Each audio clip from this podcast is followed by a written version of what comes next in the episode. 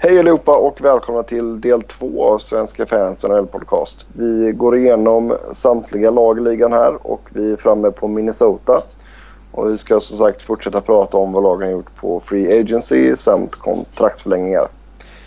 Minnesota då. Man tar in Matt Cook på ett treårskontrakt värt 2,5 miljoner om året. Det är ju en bra värvning. Även om det kanske är ett år för mycket och kanske några hundratusen för dyrt. Men Matt Cook är en bra spelare, det kan man inte blunda för. Um, däremot är det skitskoj att Minnesota har ju efter en uh, aktivitet förra sommaren när man fick väldigt mycket positiv feedback från sina fans har man ju fått extremt mycket negativ feedback från sina fans den här sommaren. Man kanske hunnit uh, vänja sig med att Parisius värvningar va? Det blir ju Nej, nej, men jag menar liksom där, där, där fick det en uppsving som, så det bara sjöng om det och jag tror inte de förväntar sig sådana kontrakt varenda sommar. Det är inte det jag menar.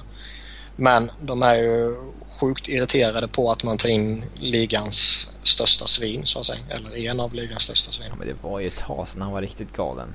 Visst, han kan alltid snedtända igen men det är inte som att ta in han... Ja, men han har ändå en historia. Han har en historia från när han var i Vancouver när de mötte honom och han har en historia från Pittsburgh givetvis. Så jag menar det är väldigt lätt att tycka illa om honom. Ehm, och har man kanske inte som supporter för Western Conference sett Eastern Conference så väldigt mycket så kan det nog vara rätt då, enkelt då vet man bara att det, det, det är negativa. Nej, men då känner man bara till det negativa och man har inte sett att ja, den här snubben är ändå en väldigt, väldigt effektiv uh, winger för typ en tredje kedja. Eh, så å ena sidan tycker jag att de överdriver väldigt mycket. Å andra sidan förstår jag dem jättemycket också. Mm. Sen tar man även in Keith Ballard, två år 1,5 mille. Ja, schysst kontrakt för en uh, spelare som inte är dålig i grunden men som bara var sjukt överbetald i Vancouver. Mm. Ja, han är ju också... Likt Mike Comenseric var ju han alltid OK men det var ju ja, det går inte att spela OK med ett sånt kontrakt. Så att, eh, ja. Nej. Sen lämnar Matt Cullen och Pierre-Marc Bouchard. Ja, det är inte... Plus att man kör en buyout på Tom Gilbert. Mm. Alltså de är ju inte bättre än vad de var för några månader sedan. Det tycker jag inte.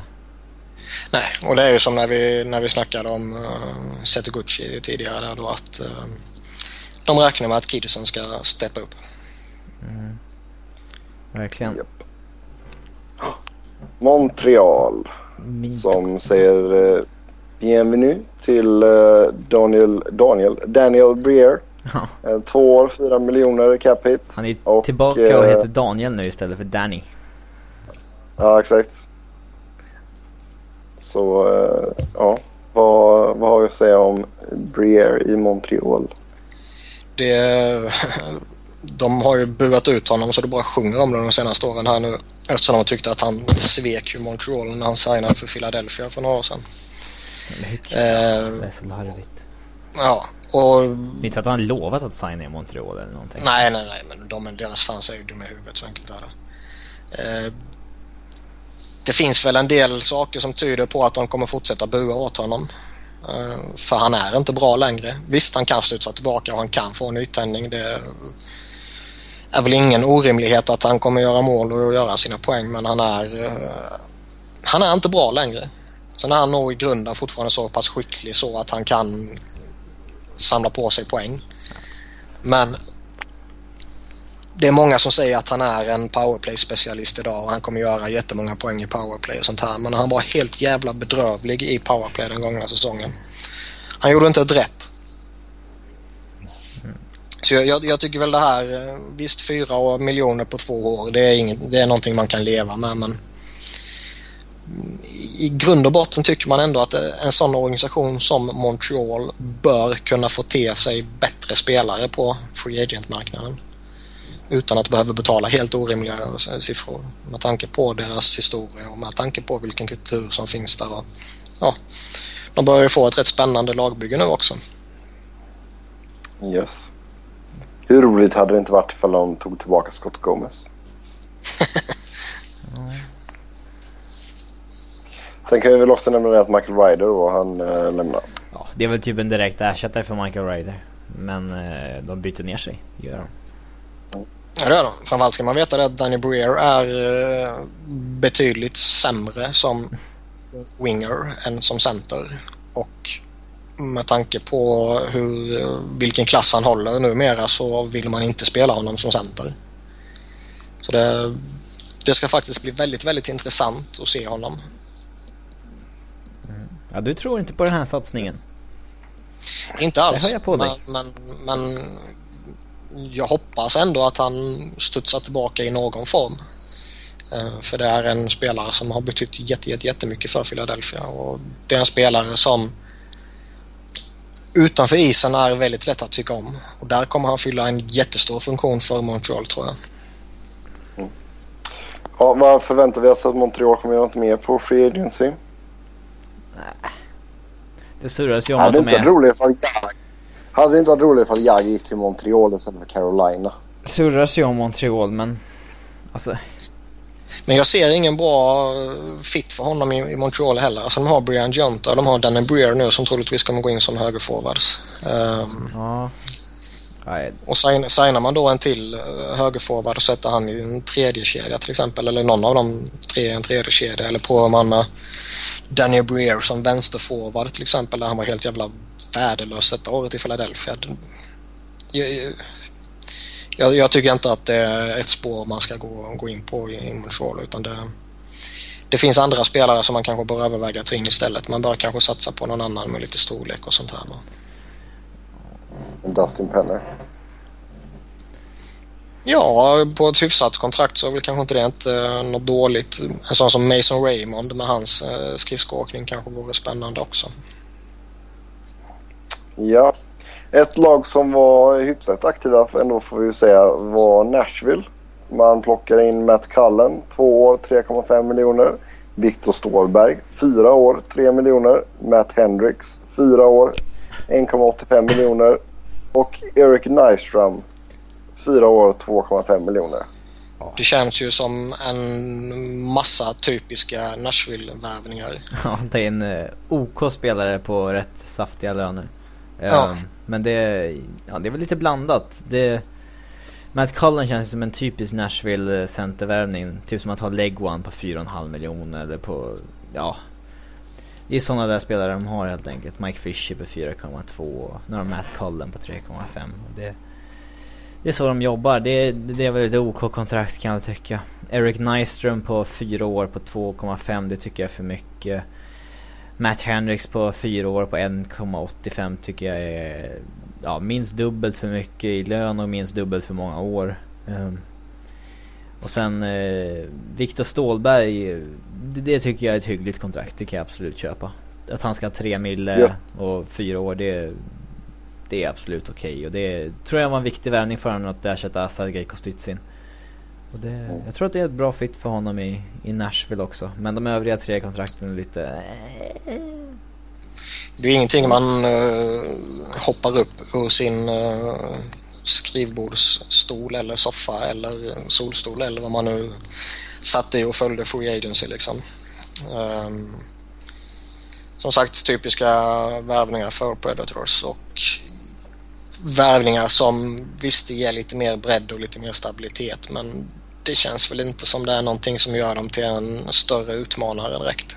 Nej, men alltså Matt Hendricks, visst han är en OK-spelare, rollspelare att ha på under miljonen sådär, men fyra år och på 1,85 det är liksom typ dubbelt mot vad han har haft förut i lön och han får dessutom ett fyraårskontrakt på det. Nu är han dessutom 32 år gammal. Det, det var aningen märkligt tycker jag. Sen är det väl kanske lite så också kanske måste de locka med något eh, extra. Ja, Eh, men det en, sån spel, att- en sån spelare signar han på ett liknande kontrakt som han hade tidigare som jag tror var ja, det var ju under miljonen på två år Ja, det var någonting. 800 eller 850 eller något sånt där. Eh, Då kan han signa det med ett, ett riktigt lag så att säga som, som man vet kommer utmana. Eh, Nu får han pengar och han får stabilitet i form av längd. Då, det är kanske det Nashville måste erbjuda för att få dit honom. Och samma sak med Nyström till exempel. Ja, alltså Japp.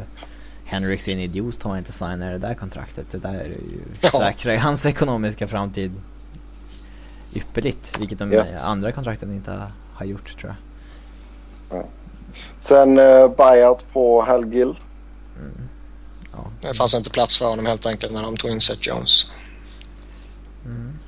Ändå lite märkligt. Han känns som en så här bra mentor att ha, ha kring honom. Men eh, ja, någon måste ju bort också. Och det är väl inte så jättebra att behålla den som är clearly past it så att säga. Men eh, ja. Vad tror du om, om Stålberg lite snabbt här? Alltså, vad, vad finns det som säger att han kommer att att lyckas bättre här än i Chicago? Jag tror inte att han kommer lyckas bättre med, i målskytte och sånt där. Här i, eh, I Chicago levde han rätt hårt på att han gjorde mycket mål bredvid Taves. Här ser jag ingen sån center riktigt men eh, ja. Det, det som talar för honom här det är att han kommer få en tydligare framskjuten roll. Um, I Chicago fick han ju hoppa lite fram och tillbaka, upp och ner och sådär va. Här känns det som att om han inte tokfloppar, vilket jag inte tror han kommer göra, så kommer han ha en, en fast roll säsongen ut i princip. Ja, vad, Hal Gill, kommer han hitta något nytt lag eller är det tack och adjö? Nej, det är nog slut va. Nej, jag är inte så säker på det. Eh, han är fortfarande en spelare som, eh, som du sa tidigare, han fyller en jättefunktion uh, utanför isen och 38 år bara inom situationstecken. Han känns äldre. Men är han bara redo att spela för billigare än de två miljonerna han eh, hade här så tror jag nog han kan hitta en, en roll i ett lag någonstans, typ som Mike Komisarek. Jag gillar ändå hans fulla namn här. Harold Priestley Gill the third. Kallas, eller han heter ju Skillsy på Twitter. Ja, okej. Det var, eh, Höga tankar om sig själv. Vidare då. Eh, vi ska snacka om New Jersey Devils härnäst. Och eh, Patrik Elias fick ett nytt kontrakt. Tre år, 5,5 miljoner. Det är väl hans sista kontrakt i eh, NHL-karriären va? Ja, det börjar väl vara snubben är 37 bast nu och jag tycker väl att eh, det är märkligt att det här kontraktet inte har eh, lyfts fram som problematiskt. Mm. Jag säger inte det dåligt och han är fortfarande en väldigt kompetent spelare men eh, 5,5 för honom om ett och ett halvt, två år kan vara väldigt mycket pengar. Ja. För han är tydligt på nedgång. Så han är fortfarande en, en bra spelare. Och, ehm, ja, nej, det är lite märkligt att, att det inte pratas lite mer om det med tanke på att eh, av nästan alla äldre spelare som har signat så har man alltid nämnt att nej, men det finns ändå lite risker och det finns det här och det här och det här. Sen eh, tror jag vi nämnde detta förra veckan men Dennis Subris eh, tre år 3,1 miljoner. Det var Mm. väl nöd, nödvändigt av New Jersey helt enkelt. Ja, Men också problematiskt kan det bli. Men eh, Ja. Sen, ja, vill du tillägga någonting mer där? nej. Jag kan gå vidare till nästa grej. Ja, eh, sen tog man in, jag sparade det bästa till sist här. Eh, Rostislav Olec, eh, ett år, en miljon. Det ska vara intressant Nej. att se vad han kan göra i NHL. An anledningen till att han inte spelat i NHL senaste år det är ju för att Ja, att eh, Chicago har försökt ja, dumpa lönen så att säga och ja, Nu när han har fått ett nytt kontrakt så Ja, det ska bli intressant att se vad han kan göra. Jag kan säga, du fattar att det där spelare som hade över 3 mille i lön på ett sexårskontrakt. Alltså, Ja. En sån snubbe har ekonomiska framtiden eh, säkrad för att han har spelat hockey. Det är oerhört konstigt. Men Ja. eh, ja, det är väl okej med ett ettårskontrakt på en miljon och testa vad han går för. Eh, Michael Ryder kom in på ett tvåårskontrakt, 3,5. Jag tycker att ett av de eh, bästa kontrakten som skrevs på Free Agencyn, han, är, han kan vara god för upp till 35 kassar om han eh, spelar bredvid en spelskicklig center och eh, de fick dessutom in på ett riktigt jäkla bra kontrakt på utan att behöva gå för långt så de signade bara två år och han nöjer sig med 3,5 miljon. Det, ja, det tycker jag var riktigt bra gjort av Lula Morello. Jag håller med om att kontraktet är jättebra. Däremot är jag inte alls säker på att eh, New Jersey har den här centern som du säger att han behöver och som han behöver. Eh, oavsett om de spelar Patrik Elias som center eller forward och, eller Michael Ryder får spela med Travis Sajak eller Adam Henrique eller vem som helst så, så ser jag väl inte att någon av dem är den centern som kan göra Michael Ryder till en 35-målsskytt. Vilket han har potential för, som, som Robin sa. Um, jag, jag, har svårt att se att han ska nå de siffrorna. Men det är en jättebra värvning och jag menar gör han 20-25 mål så är det ju bra utdelning för det kontraktet. Ja, väldigt bra. Det... Ja. Sen ehm, med tanke på Schneider-traden så köpte man ju till Johan Hedberg. Mm. Nu är det väl dags att flytta hem till Leksand tror jag. Det blir väl inget mer. Ja, det känns nästan så va. Ja. Sen eh, tappar man David Clarkson till eh, Toronto på Free Agency. Och för att ersätta honom så tar man in Ryan Clough på ett femårskontrakt. 4,85 miljoner. Det är förstås ett vansinnigt eh, kontrakt men jag kan ändå förstå vad, någonstans varför de gör det för att liksom få in en ersättare till Clarkson och Problemet är ju att det är jävligt långt. Han han, hans kropp håller ju på att gå sönder och eh, han börjar tappa som spelare och uh, ja. Det där är den dyraste lönen han också haft trots att han har varit, haft sin sämsta säsong i karriären. Det, mm. ja, nej. Jo men alltså känns det inte som att man kunde pungat upp 400 000 till då om året och bara haft kvar Clarkson? Nej, Clarksons kontrakt tycker jag är ännu mer vansinnigt så att det... Det är inte säkert att han ville vara kvar heller. Nej, det var nog en Toronto boy som ville hem. Ja. Nej, men Robin har rätt i det han säger. Det är ett galet kontrakt för en spelare som dels har haft jätteproblem med formen och dels har haft jätteproblem med inte bara en skada utan olika skador. Både hjärnskakning och axelskada och lite sånt här skit. Mm. Uh, håller han sig bara frisk så tror jag säkert det här kommer vara en bra spelare för dem i två, tre år. Men med tanke på hur han redan börjar bryta sönder nu och med tanke på att han i grund och botten ändå är en begränsad powerforward eh, så har jag svårt att se att han kommer bidra jättemycket i fem år. Yes. Vidare till eh, New York Islanders. Där det viktigaste man gjorde var att man köpte ut Rick DiPietro. Mm. Mm. Sen skrev man nytt kontrakt med uh, Evgenij Nabakov. Han får ett ettårskontrakt värt 3,25 miljoner. Var det vettigt? Nej, men det var viktigt för dem att behålla honom. Eh, Annars hade haft noll målvakter. Ja, skulle, skulle de släppt honom så skulle de fått gå ut på marknaden och ja, eh, vad finns det där? Tim Thomas till exempel. Är han sugen på att spela för Islanders på riktigt? Ingen, ingen aning. Jag tror inte han ville det annars hade Islanders Alltså de har ju typ egentligen rättigheterna till honom i och med att han inte har rapporterat till dem ja, ja. på något sånt där sätt. Men uh, Islanders valde att släppa dem tror jag för de visste att han inte ville spela. Så att... Nej men så är det. Och jag menar Även om det gick lite tungt för honom i slutspelet så har han ändå visat att han är en målvakt som kan hålla Islanders i matcher. Sen tror jag lite att det blev lite för mycket för honom denna säsongen. Allting blev så extremt komprimerat och allt sånt där. Jag, jag tror han kommer vara bättre kommande säsong. Alltså bättre hel, hela säsongen så att säga. Inte, inte falla sönder och samman framåt slutet. Vad finns det bakom Nabakov? Inget. Man hade ingen annan målvakt. Ja, men jag tänkte i systemet. Finns det någonting? Alltså, de har Anders Nilsson i farmarlaget men utöver det har de ingenting tror jag. De har ju den här Kevin Pollen, Pollen om jag uttalar det. Och jag tror han skrev nytt kontrakt i kväll här. Men fan, det är ju ingen man sätter in i NHL som första målvakt. Nej, jag var lite förvånad att de inte gjorde någonting mer. För att de... De har ju ändå... Det där Di Pietro-kontraktet var ju viktigt för dem för att komma över lönegolvet och... Ja, när de köpte ut honom trodde man ju att okej, okay, de tänker faktiskt göra någonting för att ja, de måste ju värva sig över lönegolvet nu.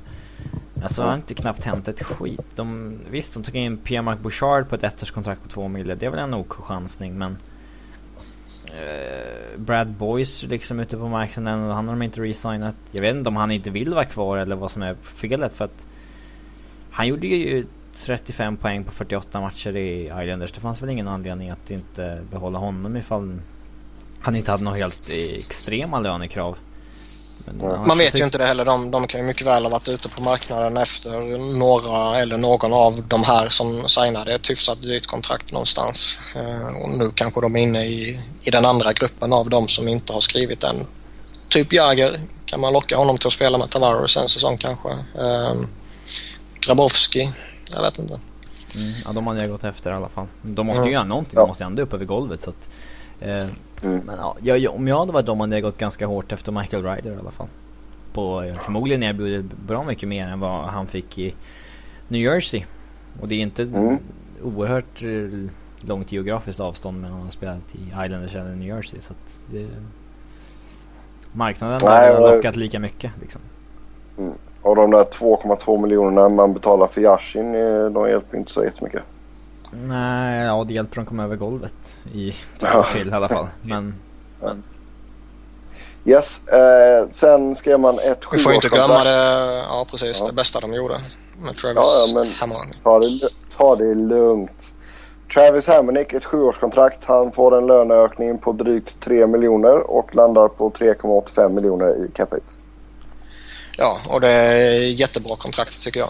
Uh, vi pratade väl, var det Roman Josie för några veckor sedan har jag för mig.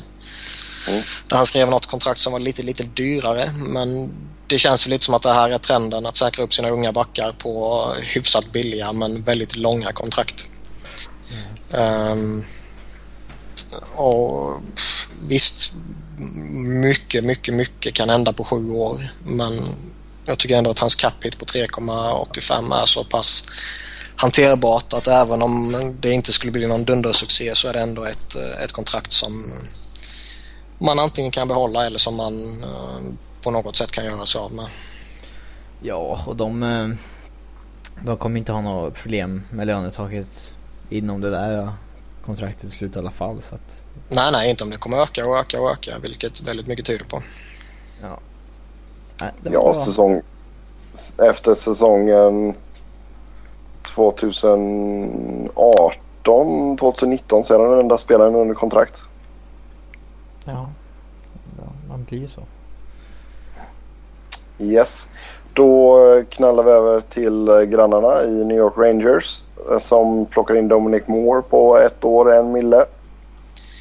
Jag tror det kan vara ett riktigt eh, bra kontrakt. Eh, han är inte på något sätt någon som går in i en topp 6 och gör något fantastiskt eh, poängproduktion så sett. Men när han spelade tidigare ska man väl tillägga. Han har ju haft ett uppehåll nu för hans eh, fru gick ju bort i cancer efter en tids sjukdom. Eh, nu är han comeback och tror att det kan vara en väldigt bra värvning för dem. Det är en en duktig rollspelare för uh, typ en tredje kedja. Eller kanske en fjärde kedja om, ja, med tanke på vad som har hänt honom den här tiden han varit borta. Mm. Ja, det var en lite intressant cap-situation nu. Idag, idag lyckades de ju resigna Ryan McDonough i alla fall men de... I övrigt så har de ju lite problem med ja, hur mycket cap space de har kvar och vilka de ska resigna. Ja, McDonalds kontrakt landade ju på sex år och en capita på 4,7. Ja, oh, tyvärr så... Eh, tyvärr, jag har väl inte emot Rangers så, men jag tror nog att det här kan vara nog ett av de absolut bästa kontrakten i hela NHL, tror jag. Det... Eh, Ryan McDonough är en av ligans absolut bästa backar och eh, underskattad offensiv har han också. Han gör mycket poäng i even strength men får inte chansen i powerplay. Och när han väl får det så kommer det... hans liksom stats se mycket bättre ut än vad de gör nu. Så att... Eh, ja, alltså det där är en, det är en ruskigt bra back som de... Ja, jag trodde att han skulle...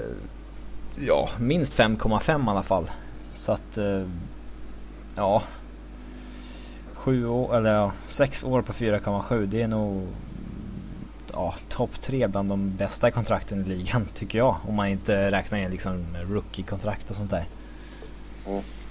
Jag håller med dig. Nu får vi bara hoppas att Dirk Staffan blir sjukt överbetald.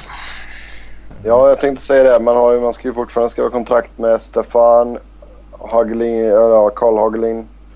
Och finns det ens plats för Zuccarello?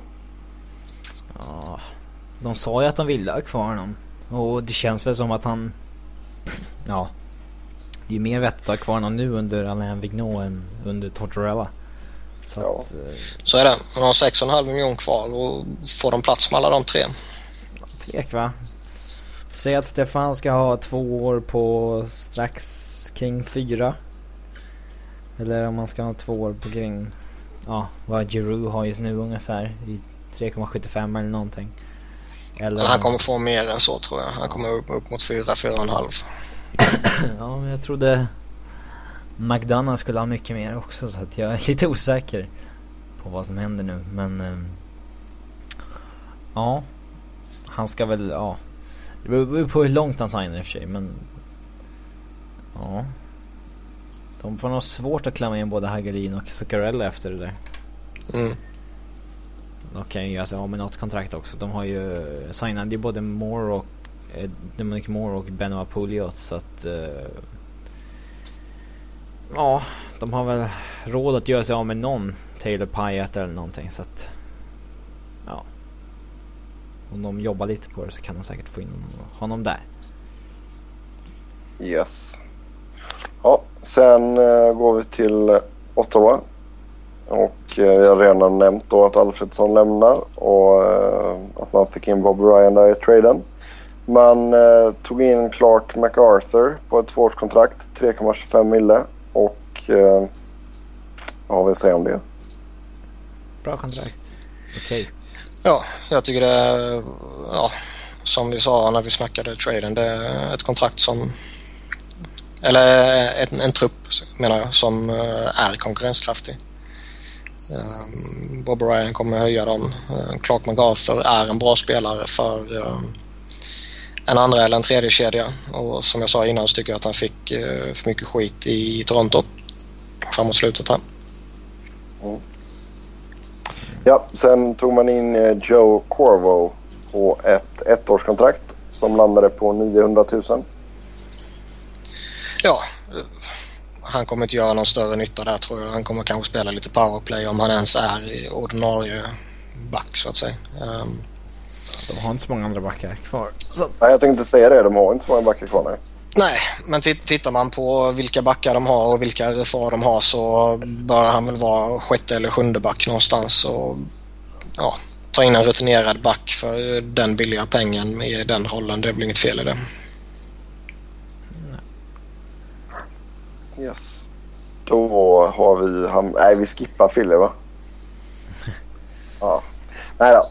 Philadelphia Flyers. Det um, gav ett åttaårskontrakt till uh, Claude Giroux. Uh, 8,3 lite drygt. Gillar inte de här kontrakten där det inte är... Nej, jag vill ha fina hela nummer. Uh, 8,275. Mm. Jag vet ju att det är många som tycker att det är alldeles för högt om man tittar på capiten och det finns de som tycker det är för långt om man tittar på åtta år. Och, eh, väl... Nej, och det, det, det, finns till och med Philadelphia-supportrar som vill trada iväg honom nu. För uh, det finns ingen som är värd så mycket pengar med tanke på hur det har gått med de tidigare långtidskontrakten i Philadelphia. Och det tycker jag ju är lögn i helvete. Uh, tittar man, visst man, man kan, jag hade väl hoppats någonstans att det bara skulle bli 7,5. Uh, hoppats på 7-7,5 men det, jag tycker ändå det är fullt rimligt med uh, strax över 8 miljoner per säsong. Det är bara att titta på vad det kostar för en första center i ligan. Uh, titta vad det kostar för en spelare som är face of the franchise. Uh, det är jättemånga som har ja. sådana löner. Nej, men man var ju tvungen att spendera de här pengarna man fick loss nu när man köpte ut Briero och Briskalov. Nej, men alltså titta på uh, vad tjänar... Uh, visst, nu ska man väl inte inkludera typ Crosby och, och sådär va, som kanske är Nej, men vad, i, vad i en klass för sig. Men vad tjänar, Eric, ja, men vad tjänar Eric Stahl? Vad tjänar Brad Richards? Vad tjänar Steven Stamkos? Vad tjänar uh, Henrik Zetterberg till exempel? Vad tjänar Ante Kopitar? Vad tjänar Mikko Koivu? Alltså det ligger alla på något sätt där runt omkring. Um, antingen strax under 8 eller strax över 8. Um, alltså det, nej, jag, jag tycker det är fullt rimligt. Jag kan kan- tycka att det är någon, någon halv miljon för mycket eller någonting men Hade han haft en lika dominant säsong i år som han hade i fjol så hade jag nog köpt det enklare med tanke på att ja, Fast han har, ändå, han har ändå enligt väldigt många och mig inkluderat en, en rätt uh, halvsunkig säsong. Men han är ändå point per game. Ja, visst. Ja, han tjänar eh, i och för sig 1,4 miljoner mer än Kopitar. Ja men vad fan det är ju små saker. Ja. Ehm, t- titta på hur marknaden ser ut så är det ett fullt rimligt kontrakt. Så enkelt är det. Ja. Sen eh, tog man in eh, Vincent Le Cavalier. Och han fick ett femårskontrakt med 4,5 miljoner. Det har vi redan snackat om va? Det har vi redan pratat om. Det man kan säga är ju att för varje kontrakt som delades ut under Free Agency så blev man ju lite mer och mer nöjd med det här kontraktet. Mm. Och jag tycker inte det var ett dåligt Sen- kontrakt när man signade det. Nej. Sen eh, Ray Emery kommer tillbaka. Ett år 1,65 landade det på. Det är ju ett grymt kontrakt tycker jag. Ehm, Nu kommer han väl inte göra samma siffror i Philadelphia som han gjorde i, i Chicago. Eh, det, det tror jag inte. Har man förväntningar om det så är man nog lite snett ute. Men man har en målvaktsduo som eh, tillsammans kostar eh, strax över 3 miljoner. Vilket är eh, för två målvakter betydligt mindre än vad Ilja Bruskalov kostade själv. Och rimligtvis kommer det bli hyfsat uh, jämnt eh, spel jämfört med de här två och han. Um, väljer man att gå tillbaka till att köra de billiga alternativen i mål så tycker jag att man har en, en bra duo för det nu. Ja men detta är väl en ganska bra 1A 1B situation ändå. Ja, om man har möjlighet att analysera nu. Eh, är det Steve Mason som vi ska satsa på eller kanske man ska satsa på Ray Emery? Och man har en säsong på sig att ta beslutet. Och skulle det visa sig att ingen av dem är någonting att, att gå på för det kan ju faktiskt vara så att Ray Emery bara är en produkt av Chicagos eh, fantastiska lag. Och det kan ju vara så att Steve Mason bara hade en jävla flyt när han var så grym som han var i de här sju matcherna han spelade förra året.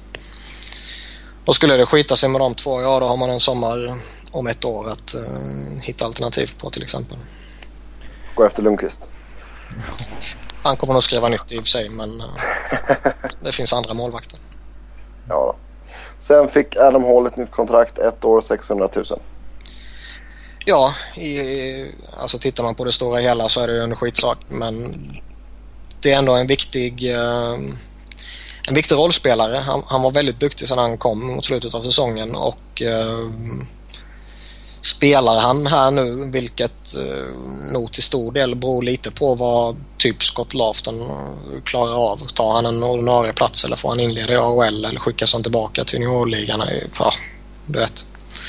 Ehm, men framförallt så känns det ju nu när man har Claude Giroux, man har Le Cavalier och man har Adam Hall om han spelar så har man ju tre stycken väldigt duktiga tekare. Och det var ju någonting som man plågades av enormt mycket förra säsongen. Det var bara Claude Giroux innan Adam Hall kom som kunde vinna lite teckningar. Ja.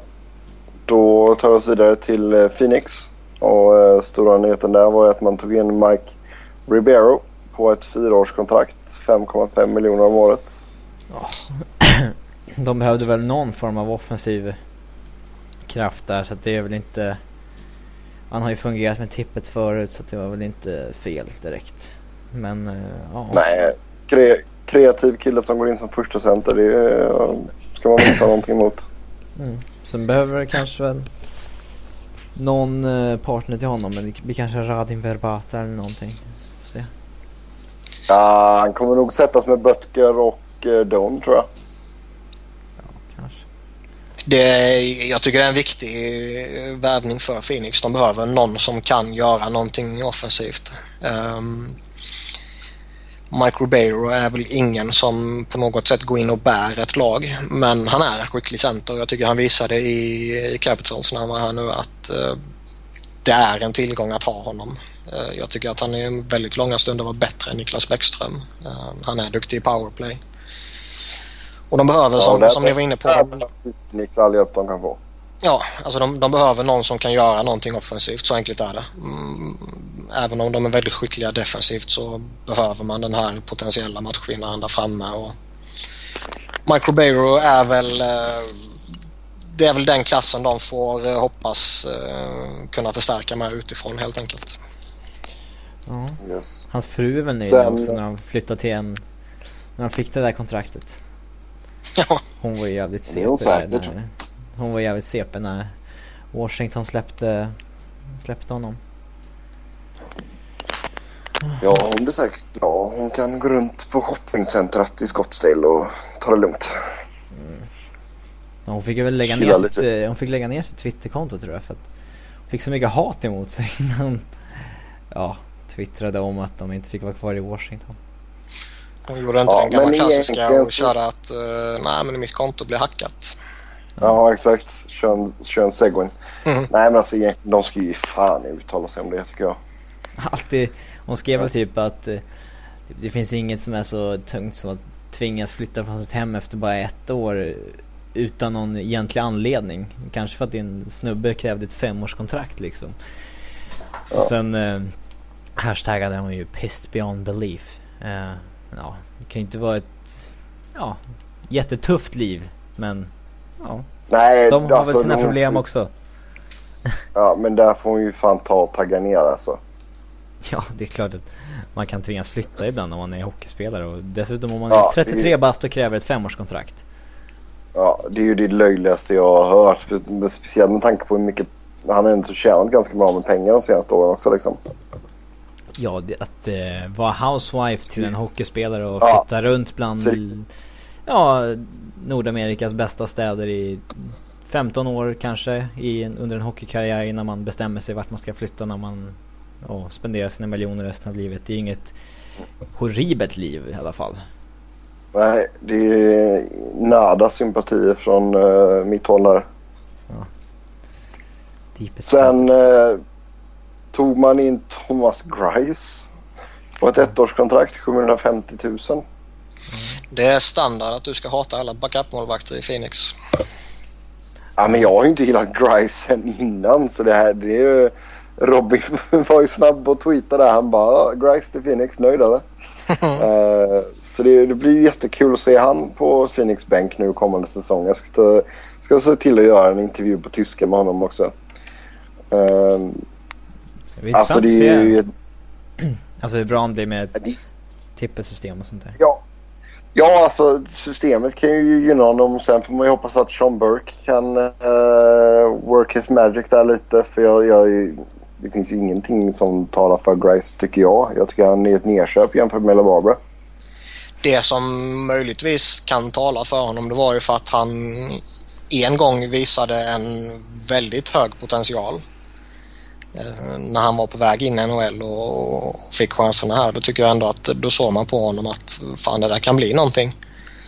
Eh, det är väl det lilla hoppet man kan ha att en sån som Tippet och Burke kanske kan få ut det, den potentialen igen. Ja och sen jag menar ett år 750k det är ju skitsamma liksom. Ja. Men jag hade ju nästan hellre sett att man antingen behöll La Barbara eller att man flyttade upp Chad Johnson liksom eh, Chad Johnson som eh, tror han hamnade i Pittsburgh eller någonting till slut. Och får lära lite mer AHL-hockey.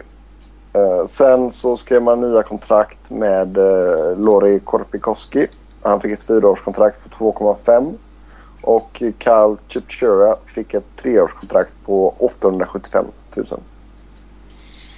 Mm, halvhyggliga rollspelare för Phoenix.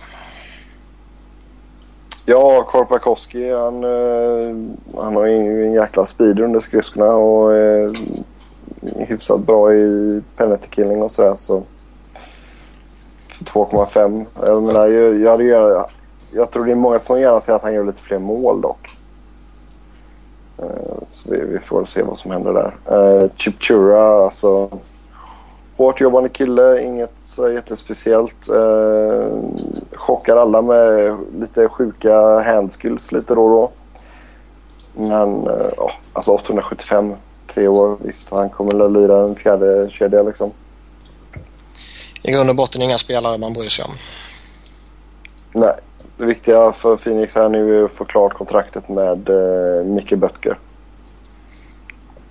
Sen känns det som att laget är hyfsat uh, klart. Man vill väl ha in en till uh, winger antar jag. Men uh, det kan mycket väl bli så att Max Domi får kliva rätt in. Mm. Vidare till Pittsburgh där Rob Scuderi kommer tillbaka. Man eh, signar honom på ett fyraårskontrakt. Eh, 3,375. Ja, jag tror att det är ett kontrakt de definitivt kommer få ångra inom ett...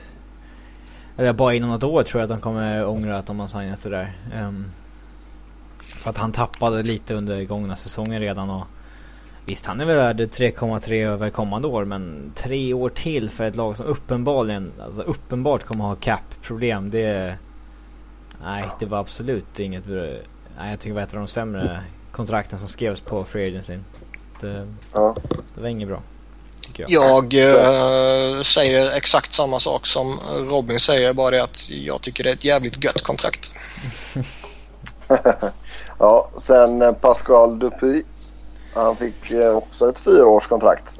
Detta är ett nytt kontrakt som han har skrivit. 3,75 miljoner. Det är väl, det känns lite som att han... Får betalt nu istället för vad han gjort hittills. Ja, men dels det och dels känns det väl som att han eh, i utbyte mot kanske ett år eller två till tog lite lägre lön. Um, för jag är inte helt övertygad om att uh, Pascal Dupuy kommer vara den spelaren när han är 37-38 liksom. Um, lite, lite långt för min smak om jag hemska jävla tanke skulle vara Pittsburgh-supporter. Mm. Ja. Men sen samtidigt med tanke på vad han har producerat hittills så kan jag tycka att han förtjänar eh, att få något år extra och få de här miljonerna som han egentligen borde haft tidigare. Absolut. Han, ja. han har bevisat att han kan spela så. med Crosby och Malkin och han gör ju poäng utan dem också nu för tiden så att uh, det, är, det är en genuint bra spelare men Pittsburgh hade väl önskat att han var ja, något år yngre i alla fall. Mm. Mm. Ja, sen eh, Craig Adams, eh, nytt tvåårskontrakt, 700 000. Ja, eh, en spelare för fjärde kedjan som Dan Bylsma verkar uppskatta en hel del. Mm. Fin, alltså har Pittsburgh något utrymme här att ta in något annat på Free Agency eller är det... Nej. Är det genom trader man kommer göra någonting? Alltså det snackas ju lite om att en sån som Matt Niskanen kanske kan vara aktuell för en trade. Och jag tror de har typ eh, 500-600 000 i capspace nu och gör de sig av med honom får de liksom ja, nästan 3 miljoner. Eh, så det, det, är väl möjligtvis där de skulle kunna hitta på någonting och man skulle nog till och med kunna få något hyfsat utbyte för honom. Eh, men de har väl ett behov att få in en forward till kan jag tycka. Eh, om det sen är att man lyfter upp någon underifrån eller man signar någon lite billigt, det, det är väl en annan femma men någonting bör kanske hända. Ja.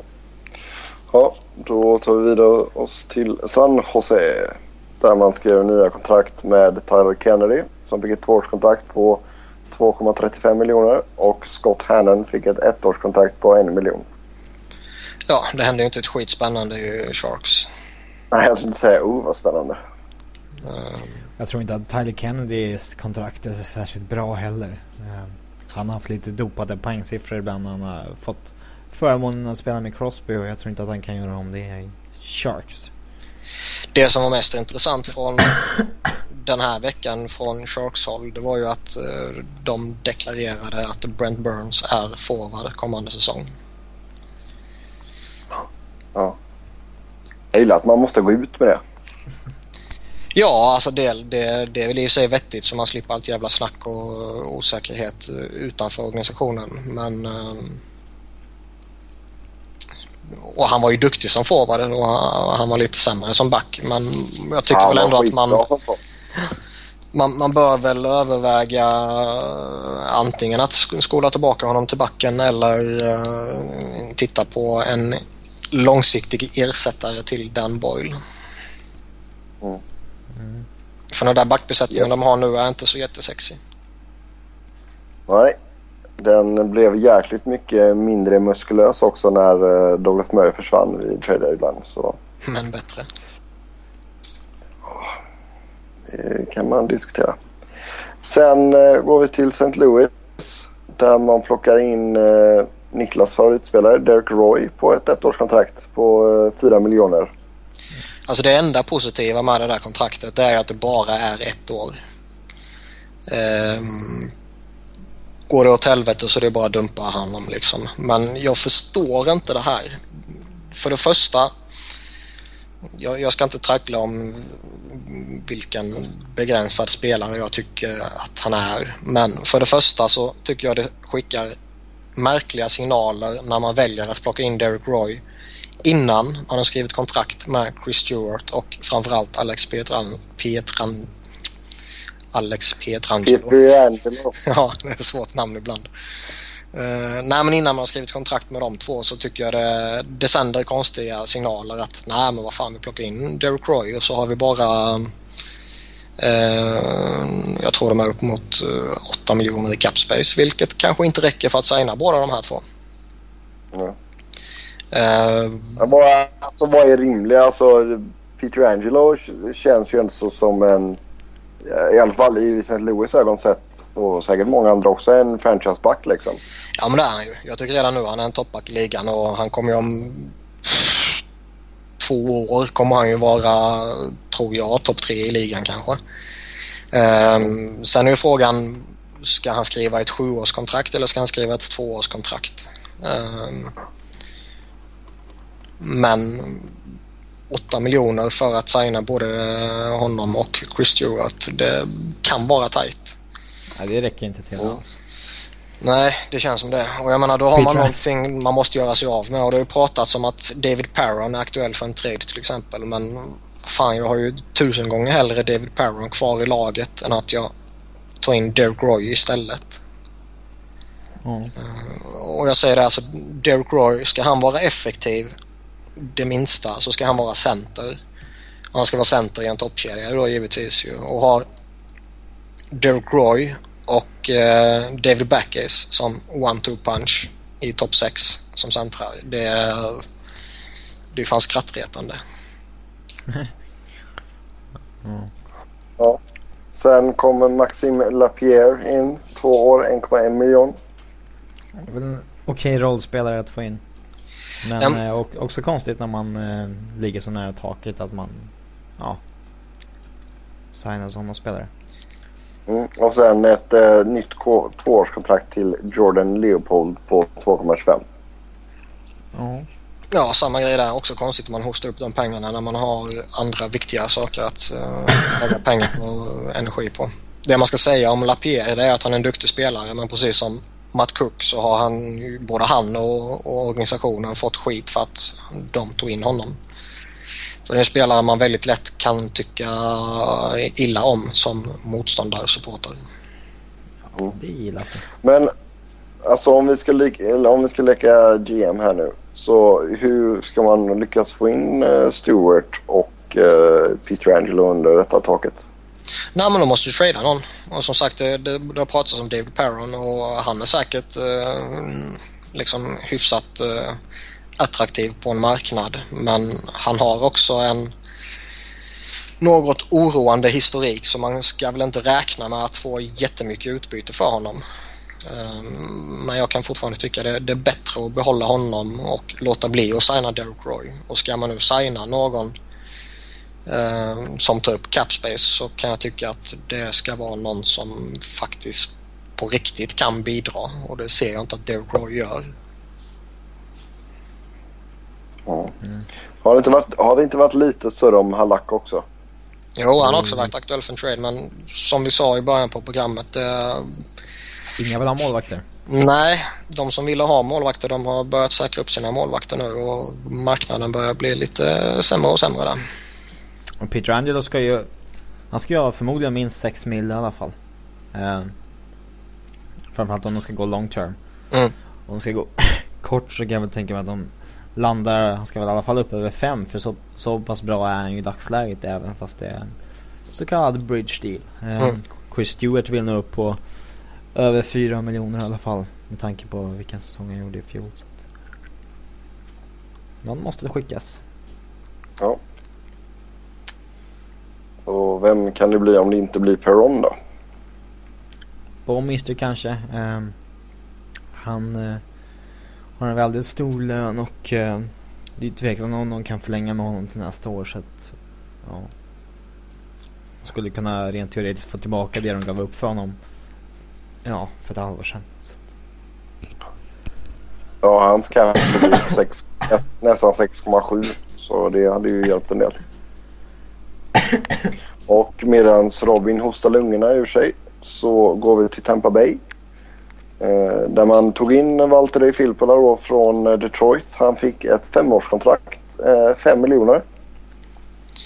Jag har ju svårt att se vad det är som motiverar att man köper ut Le Cavalier nu och plockar in Filppula.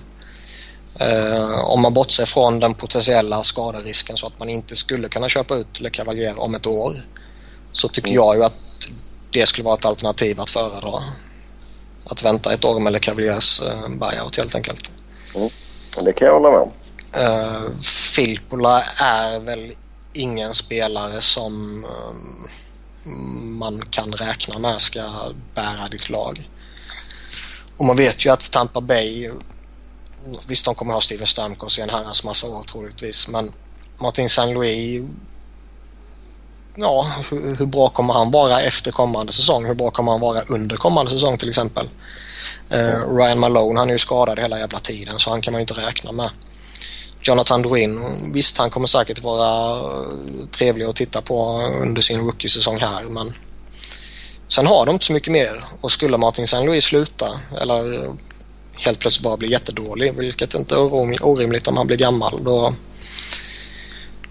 då är ju frågan om man verkligen vill ha Valtteri Filppula på 5 miljoner i fem år. jag tycker att det är ett idiotiskt kontrakt med Filppula.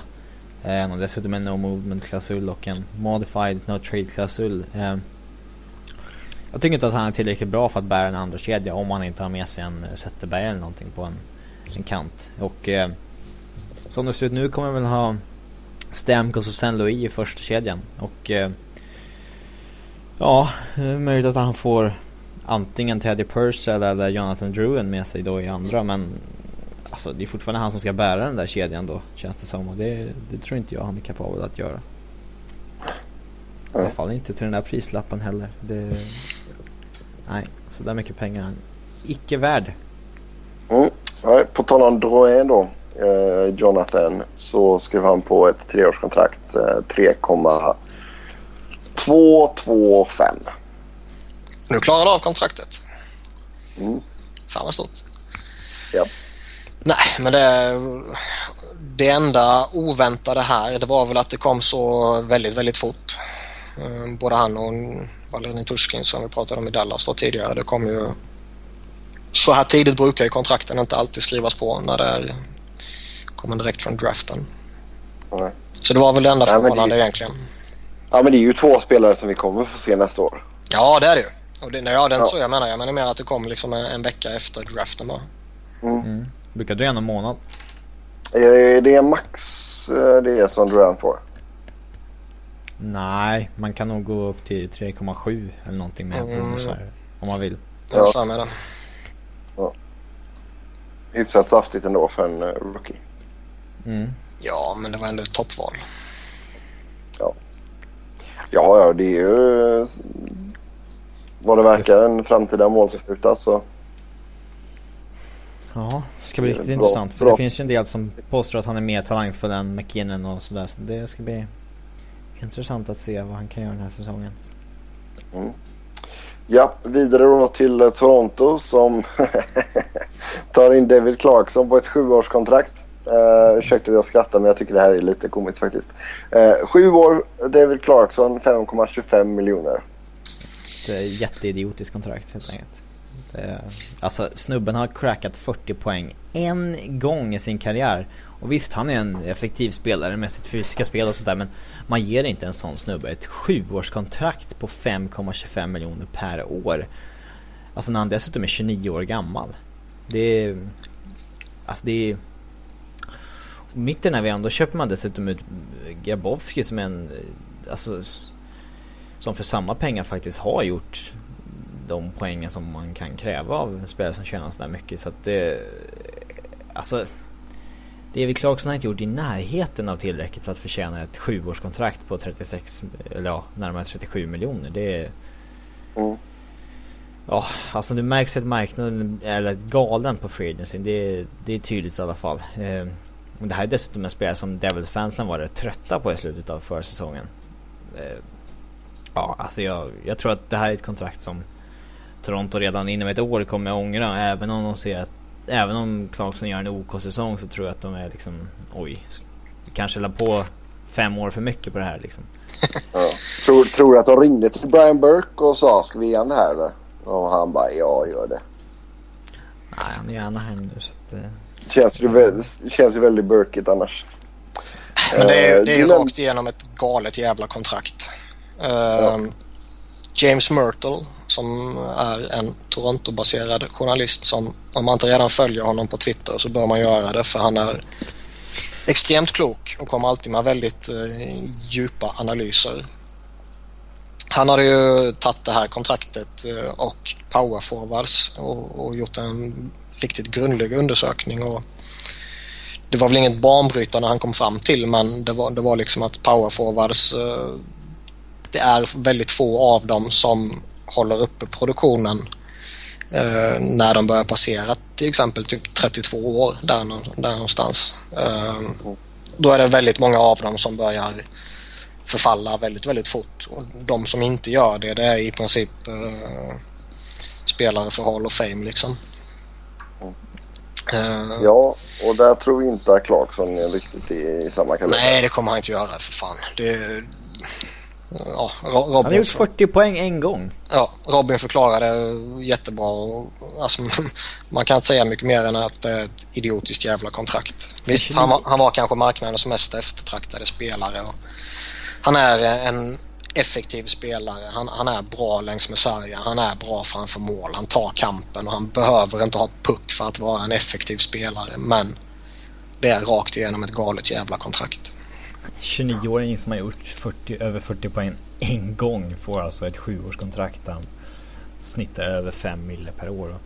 Först efter att han har blivit 32 bass som hans riktiga lön kickar in han tjänar 7 mille.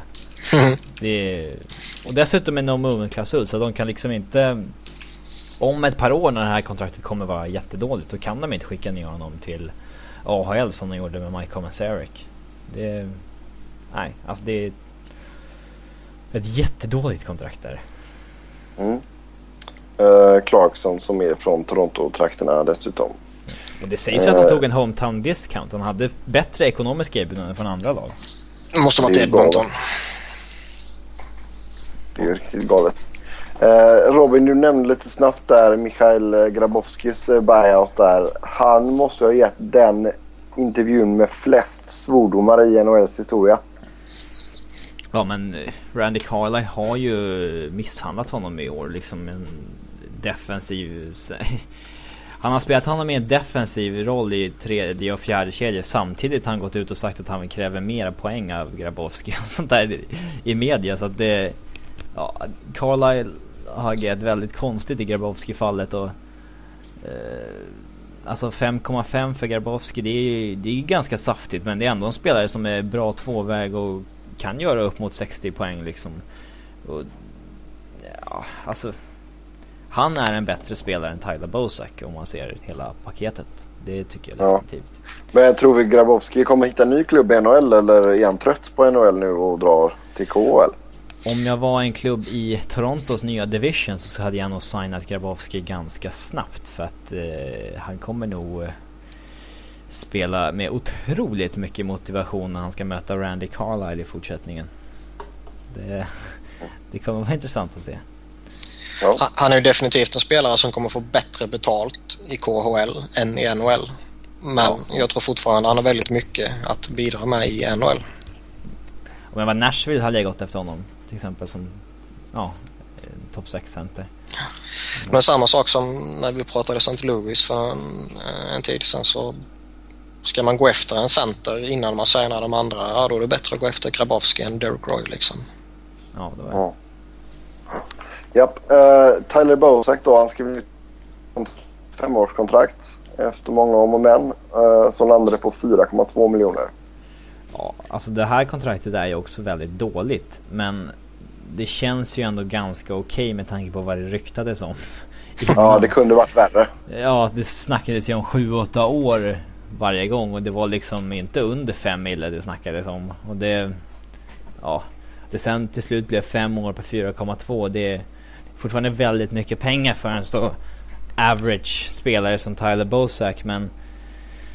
Ja, det är ju bättre än vad det ryktades om. Men ja, jag tycker att kontrakten med Bosak och Clarkson gör absolut inte Toronto till ett bättre lag. Absolut inte. Jag är högst tveksam till om de kommer gå till slutspel nästa år. De släppte ju dessutom Clark McArthur som är en helt okej okay spelare. Det, ja, jag tycker att de har agerat väldigt konstigt den här offseason.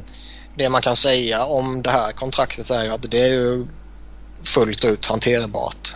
Både för Toronto själva och om eh, man om tre, fyra år eh, börjar diskutera en trade till exempel.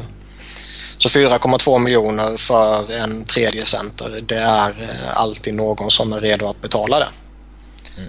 Eh, så enkelt är det och snubben är 27 år så han kommer vara 31-32 när det här kontraktet börjar gå in mot, mot slutet. Där. Så det är hanterbart både mm, att behålla och att uh, göra sig av med i en eventuell trade.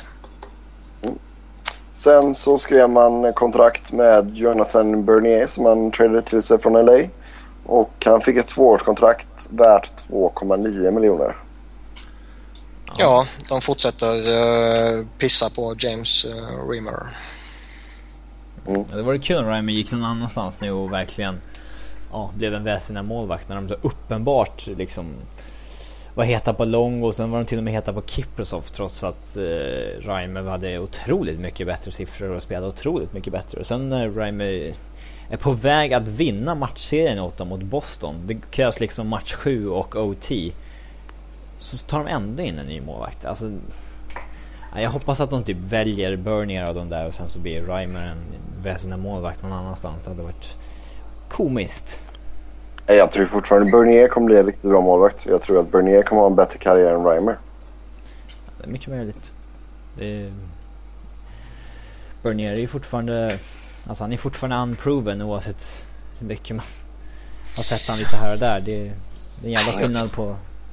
Jag tror, jag tror också Bernier kommer bli en duktig målvakt. Det är inte det jag menar. Men har man som James Raymer och vi har ju pratat om det här tidigare på podcast så man ska inte dra allting igen liksom. Men har man gjort vad han har gjort för dem uh, senaste tiden här så det är jävligt smutsigt att ta in en...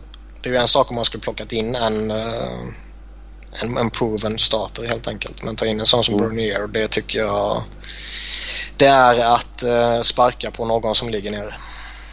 Jo, men det, det finns väl inte alls mycket som talar för att uh, Reimer blir antingen om han blir tradad under säsongen eller direkt efter. Det skulle inte förvåna mig. Det beror på vem som spelar bäst den här säsongen helt enkelt. Ja. Det är vem han det blir kommer in bäst bud på. Han blir RFA också nu efter kommande säsong.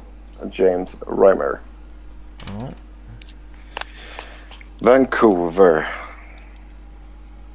Vad ska vi säga om Vancouver? Det har inte hänt så jättemycket förutom eh, att eh, Roy Lapierre och Ballard har eh, försvunnit.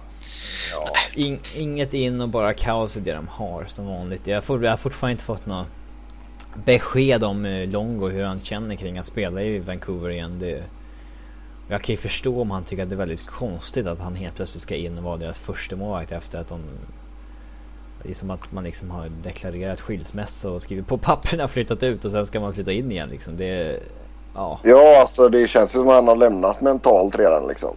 Ja, det... Nej men det har han ju. Sen samtidigt så är han ju bunden till ett kontrakt och det är inte så att han uh, tjänar småpotatis. Så är han inte helt dum i huvudet kommer han ju vara kvar och tjäna alla sina jävla miljoner.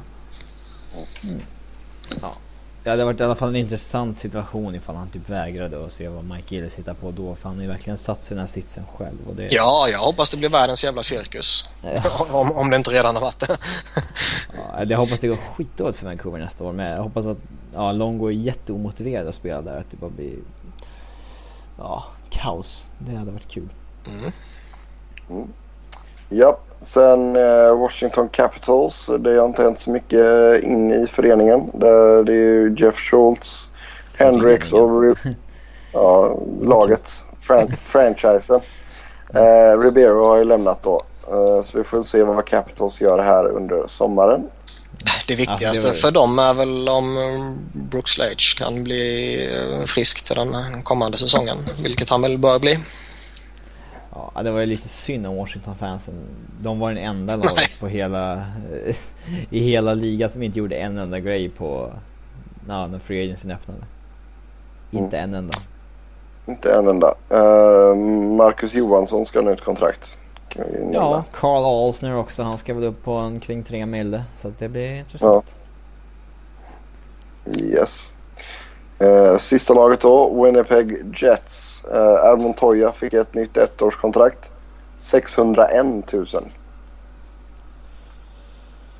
Mm. Ja, den här sista tusenlappen var sjukt viktig. jag tänkte det, var kommer den här sista tusingen ifrån? det är inget typo då eller? Ja, det står 601 på Capgeek. Sen om det är en typo eller de har skrivit fel eller att det ska vara 610 eller ja, jag vet inte. Men det, låter, det, det låter spännande. Ja, Men då, 601. Man kan se förhandlingen framför sig när Montoya säger en miljon, eller ja. Winnipeg säger 600 000, Montoya säger en miljon och sen säger Winnipeg 601 000, take it or leave it. Och han får, okej, okay, signa. Det, vi får inte glömma heller att nämna att eh, Alexander Burmistrov lämnar för KHL precis som det har ryktats om tidigare eh, här under sommaren. Annars tycker jag väl att de har gjort lite spännande saker. Ehm, vi snackade Gucci tidigare, vi snackade Mikael Frolik tidigare. Mm. Ehm, jag tycker väl fortfarande att de har ett behov av att typ förlänga med Nick Antropov. Ehm, de ska skriva kontrakt med Zach Bogosian Eh, Ron Hainsey kommer de nog släppa. Eh, jag är faktiskt lite förvånad att han inte har skrivit nytt kontrakt någon annanstans redan nu. Men eh, de börjar hitta på lite spännande saker där uppe i alla fall. Man förlängde med Clinton också. Så att, ja det är en solid back. Det... Ja då. Mm. Däremot så har de fortfarande Olle Jokinen vet du. Det håller inte. Ja. Ja, det var inget bra kontrakt.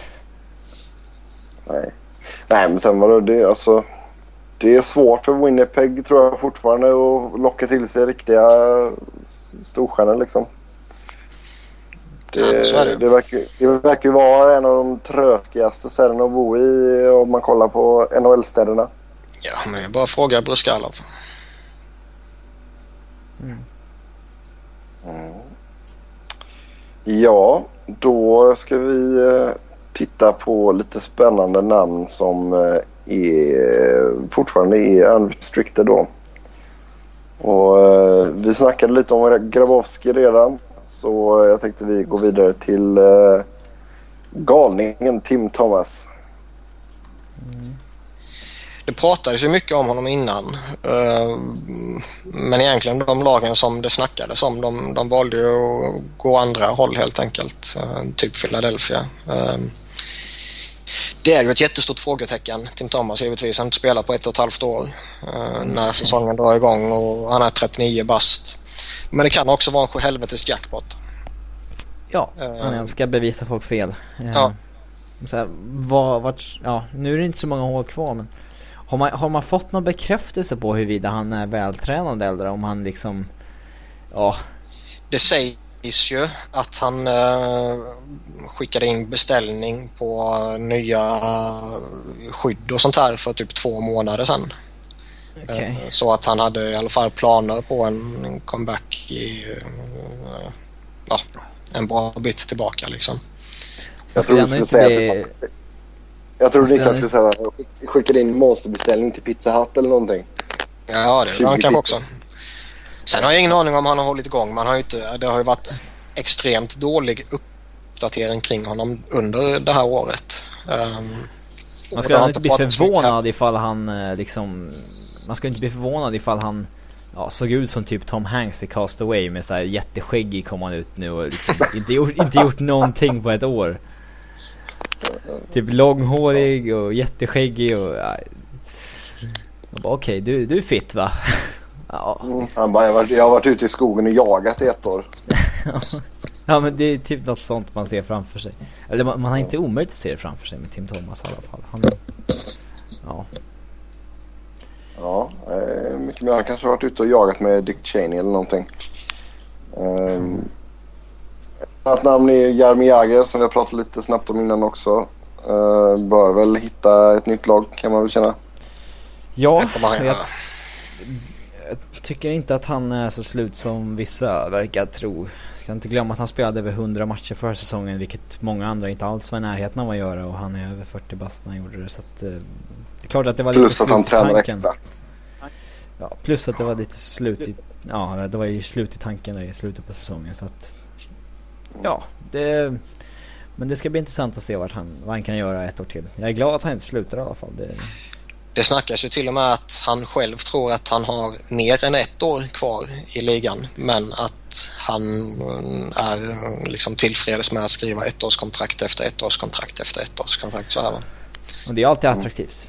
Ja, eh, han har saker han kommer bidra med i ett lag. Eh, sen ser jag väl inte att topplagen vill ta in honom på den lönen som han vill ha.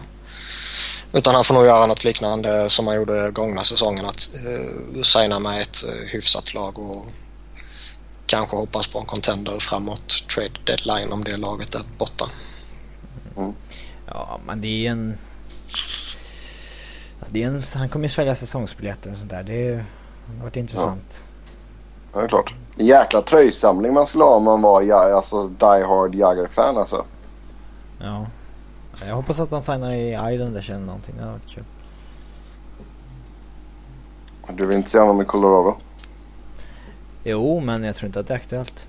Sägs ju att Hejduk vill spela vidare nu, men de har sagt att nej, vi har ingen plats kvar. Ja. Så att... Eh, ja, då har de nog ingen plats kvar för Jagr heller. Det hade varit lite märkligt. Man gör plats för Jagger. Eh, ja, vi har pratat om Antipov lite snabbt där. Mest tyder väl på att han ska bli nytt med Winnipeg. Eh, Gör det? Mar- ja.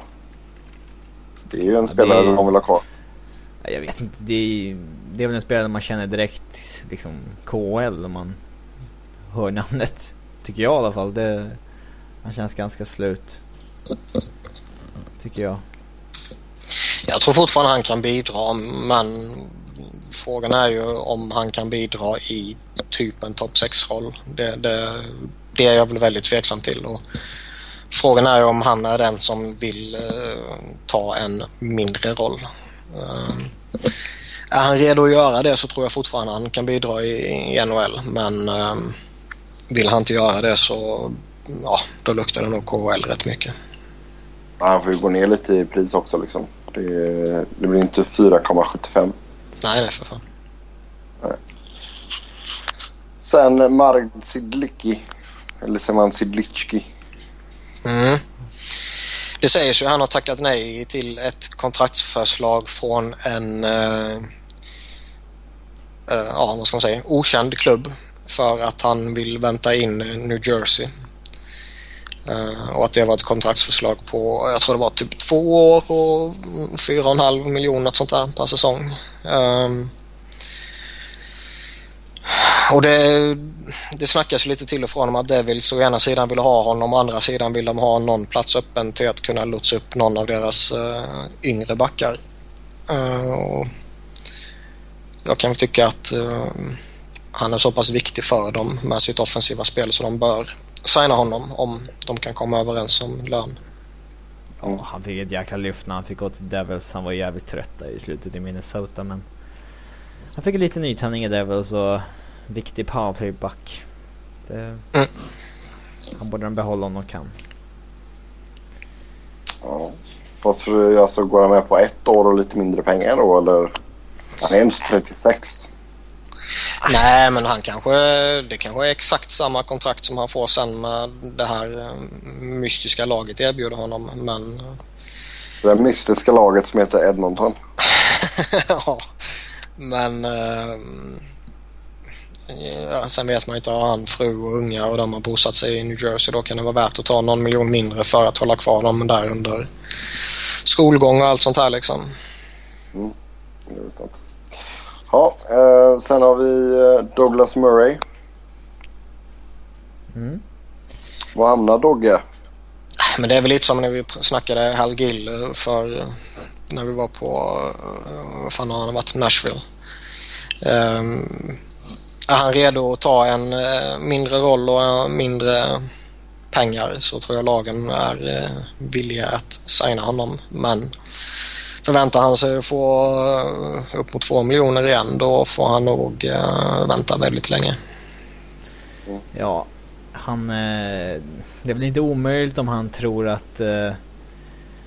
Tror att hans värde är lite högre än det är i och med att Pittsburgh rätt nyligen dängade upp två andra val för honom. Och det är ändå ganska stor betalning ja, men eh, det bör finnas tycker jag ganska många lag som är intresserade av att i alla fall erbjuda honom ett ettårskontrakt på under miljonen men det beror väl på vad han eh, ja, ser för ser, tycker att han själv har för värde nu för tiden. Mm. Men det känns ju inte som en kille som får hybris. Nej, men... jag känner inte honom så jag vet inte. Ja, det, man är, det är nog rätt lätt, lite som Robin är inne på, att man överskattar sig själv. Och framförallt en agent också. Det har vi sett många exempel på genom åren. Ehm, ja, jo. Vill han ha de pengarna som han haft hittills då får han nog rikta in sig i bästa fall på att hitta ett uh, sämre lag. Om man ska vara mer rak på sak. Men vill han ha någon chans att kunna gå långt i ett slutspel, vilket man väl med tanke på hans ålder och vilken fas i karriär han är i bör ha något intresse av så bör han nog rikta in sig på att signa billigt. Yes. Sen uh, Mason Raymond. Ja, en lurig pojk. Han, uh, han är ju inte den uh, extremt snabba skridskoåkern längre efter den här höftskadan vad han hade va. Men fortfarande en kapabel eh, spelare att ha på en tredje line eller någonting så att nej, jag skulle gärna ta in honom till exempel men eh, jag kan nog inte förvänta sig ett kontrakt på mer än eller under tre miljoner ska jag ha i alla fall. Mm. Något sånt är nog rätt rimligt så. Yes. Uh, Damon Bruner då? Det sägs att han söker kring tre mille. Det tycker jag inte riktigt att han har bevisat tillräckligt för att få han har bara spelat en halv säsong i NHL och visst han har visat bra sniperskills och sånt där men ja. Men det är lätt att göra det när man spelar MTZ och Datsjuk. Japp. Ehm, de, Detroit har väl rätt tydligt visat också att uh, det inte finns någon plats för honom nu kanske. När de tog in Alfredsson och de redan har Franzén som högerforwards till exempel. Ja, ja det blir nog inte Brunner och Dev eh, Detroit är nog ett avslutat kapitel. Mm. Men, eh, mm. tre, tre mille känns lite väl saftigt. Alltså det beror på lite. Vi vill, visst, ge honom tre miljoner och ett ettårskontrakt. Uh, måste nog ha den där centern också till honom. Ja, kan, men liksom, han är ju en renodlad sniper precis som Michael Ryder var. Så är det ju.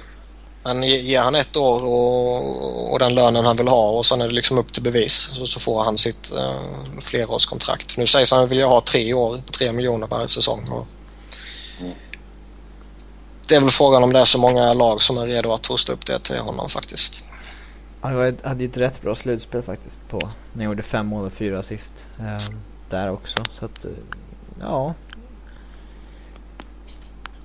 Problemet är ju att han har ju bevisat det på så kort tid bara. Annars hade han ju säkert kunnat fått ett Stålberg-kontrakt av någon. Men ja, det är klart att det är någon som signar honom förr eller senare. Men äh, ja. Ja, och sen här. Jag, ja. jag vet inte riktigt vart jag kan se att han passar in. Det är svårt att hitta något när jag letar i huvudet. Mm. Ja, Helgill har vi redan pratat om. Uh, vi kan väl avsluta med Robins request att snacka lite Brad Boys. Ja. Han gjorde ju faktiskt svinbra jämte uh, Tavares i år. Som sa tidigare så är jag förvånad att inte Islanders signat om honom än. Men... De kanske tittar på bättre alternativ. Ja, det finns inte så många bättre alternativ kvar på marknaden. Nej, Brunner till exempel kanske. Jager pratade vi lite om tidigare. Mm. Det kanske var något sånt de är ute efter. Eh, Brad Boys visst han funkade bra här nu men han var rätt jävla saftigt värdelös när han var i typ Buffalo. Mm, men nu, han fick ju ett ettårskontrakt och bevisat att han fortfarande kunde vara bra. Han gjorde det är ju bra då så att men jag vet inte vad han har fått för krav efter den säsongen. Det är väl det som är problemet. Mm. Ja, sen han gjorde ju inte ett enda mål i slutspelet eller? Nej, men. Tycker Islander kör... Ja, oh, de släppte Parento som eh, Tavares hade hittat kemi med och nu släpper de Boys också. De... Ja. De kanske ja men jag... Tavares och Jagr har varit lite coolt. Ja men de, det är som att de inte riktigt jobbar för att bygga kring Tavares som de borde göra. De släpper de som har hittat kemi med honom. Och... Ja, men sen samtidigt alltså Brad Boys, det är fan ingen man bygger någonting kring. Nej, men de har... Alltså jag, jag, jag, jag, lägga... jag tror fortfarande man letar efter bättre alternativ. Uh... Men vart? Ja du. Marknaden är ju inte stor längre. Mm, nej, man kanske är intresserad av en trade också. Alltså det, det finns ändå spelare på en marknad som kan fylla en funktion jämte honom oavsett om det är ett kortsiktigt alternativ som Jager eller om uh, man spanar på en sån som Grabowski kanske till och med slänga ut honom där och är intresserad av det eller... Man kanske tar en chans och kör uh, Peter Muir. Mm, alltså det, det, finns lite alternativ där ändå och alltså, man kan alltid ge sig ut på trademarknaden också. Jag skulle ju inte bli förvånad om typ Islanders går och tar en sån som Danny Heatley. Ja. Ja, nej, vi får se. Det kommer nog hända mycket roligt här under sommaren fast det inte spelas så mycket hockey förutom på diverse camps och sådär. Själv ska man till eh, Phoenix Development Camp imorgon och titta på eh, Henrik Samuelsson och Max Domi. Max. Max. Mackan. Det är inte många vuxna som passar som Max. Det känns som att barn heter Max. Ja. Förlåt alla Max där ute men... Han är väl ett barn för fan. Ja, ja. Kanske det finns yes. någon lyssnare som heter Max tänkte jag. Men, det äh... finns det säkert. Så uh, Robin ber om ursäkt till alla Max där ute. Alla Max Maxarna. Eh, som vanligt så vill ni köra hockey med oss så går det jättebra att göra det via Twitter. Mig hittar ni på att Noren, Niklas på att Niklas Wiberg, Niklas Museet och Enkel-V. Och Robin på R underscore Fredriksson. Tills nästa vecka. Kanske, kanske ja. säga att det här var eh, förmodligen, in, förmodligen inte kör nästa vecka. För att vi, ja. Det är väl typ nu det är slut så att säga. Det finns ju inget kvar på Frejlins innan det. Vadå, Ilja Bruskalov är kvar ja. Ja, herregud. Det är säkert massa att prata om. Vi får se. Tills nästa gång. Ha det så gött. Hej. Mm. Hej, hej.